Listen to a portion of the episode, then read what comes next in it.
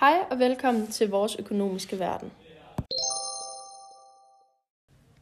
I vores podcast laver vi landeanalyser af forskellige lande i verden. I dag er det Tyskland, vi skal kigge lidt på. Jeg sidder her med to eksperter inden for makroøkonomi, Karoline Jensen og Mathilde Wagner. Hej. Mit navn er Karoline Stensgaard. Velkommen til vores økonomiske verden.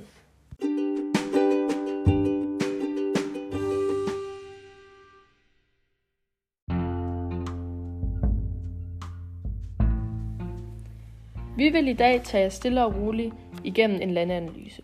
Hvordan den er bygget op, og hvordan man analyserer på den.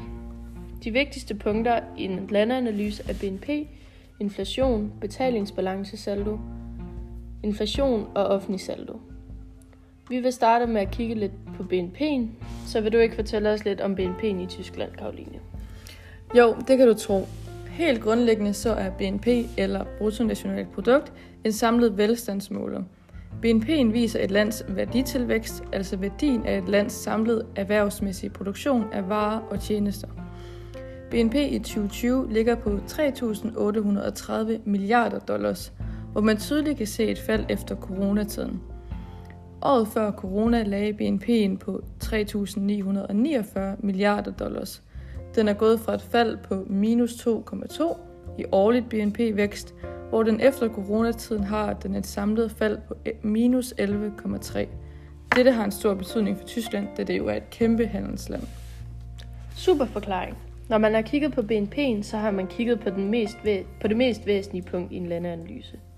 Men vi er langt fra færdige. Et andet punkt, man kan kigge på, er arbejdsløshed. Arbejdsløsheden er et vigtigt nøgletal, når man snakker om makroøkonomi.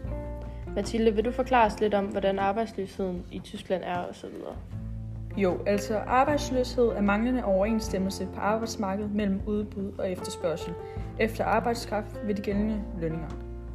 Arbejdsløshed defineres som antal personer uden erhvervsmæssig beskæftigelse, som er til rådighed for arbejdsmarkedet og som søger, øh, som søger erhvervsarbejde. Arbejdsløsheden i Tyskland var i juli 2020 på 4,4 procent. Gennem de seneste 10 år har arbejdsløsheden været faldende, men grundet corona er den steget lidt igen.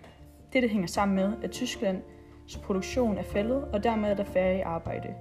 Denne udvikling har skyldes, at Tyskland er ramt, ligesom resten af verden, af den her coronapandemi. Det giver super god mening, at arbejdsløsheden er steget under corona. Men bare for en sammenligning, hvordan så arbejdsløsheden ud øh, på dette tidspunkt sidste år, og vil du mene, at den nu, nuværende arbejdsløshedsprocent på 4,4% er tilfredsstillende? Sidste år i september lå arbejdsløsheden på 3,1 procent i Tyskland. På daværende tidspunkt ville man sige, at Tyskland havde fuld beskæftigelse, da man som regel vil sige, at der er fuld beskæftigelse ved en arbejdsløshed på 3-4 procent.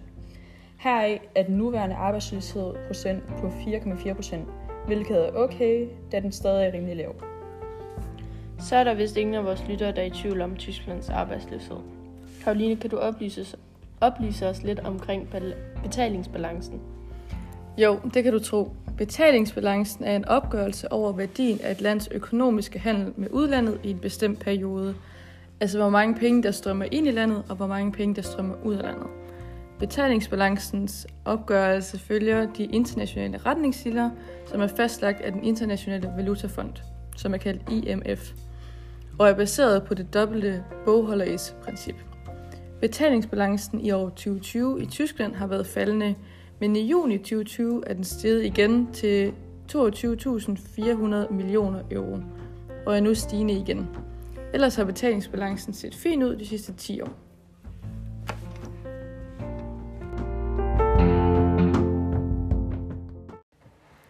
Så er betalingsbalancen vist også på plads.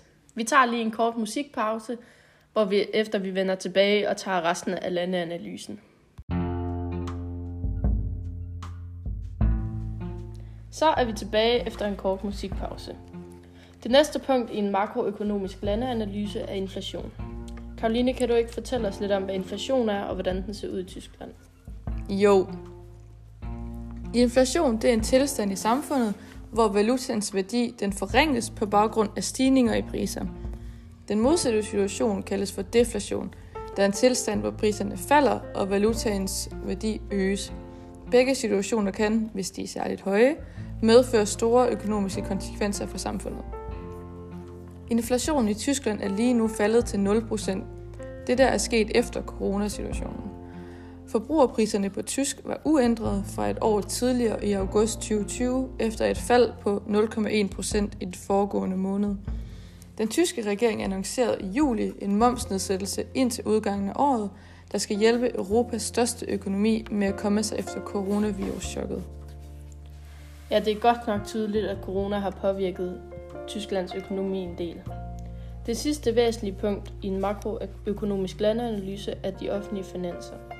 Mathilde, vil du ikke forklare os lidt om det sidste punkt? Jo, selvfølgelig. De offentlige finanser er en samlet betegnelse for den offentlige sektors indtægter og udgifter. Formålet med statistikken over de offentlige finanser er dels at belyse de aktiviteter, der ejes eller effektivt kontrolleres af de offentlige. Statistikken indeholder således også data vedrørende offentlig forvaltning og service med det formål at producere statistisk information om hele den offentlige sektor. Tyskland registrerede et statsbudgetoverskud svarende til 1,40 procent af landets BNP i 2019, hvilket altså er godt, da den højst må være 3 procent af BNP. Deraf har Tyskland gennem de seneste 10 år haft svingninger i de offentlige budget. Fra 2010 til 2012 har Tyskland registreret et statsbudget over en underskud på ca. 2,56 procent.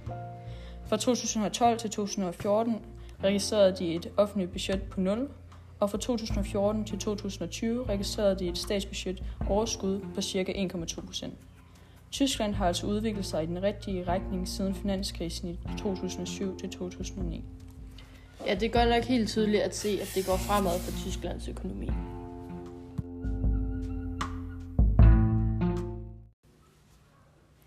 Ud fra det, I begge har sagt, så kan vi i dag konkludere, at Tyskland har en god og sund økonomi. Det er et stort handelsland, hvilket passer godt med deres forholdsvis høje BNP. Så er vi vist kommet om ved alle punkter i dag. Næste gang skal vi kigge på Kinas økonomi og lave en makroøkonomisk landeanalyse på dem. Derfor vi besøg af to nye eksperter. Tak fordi I lyttede med.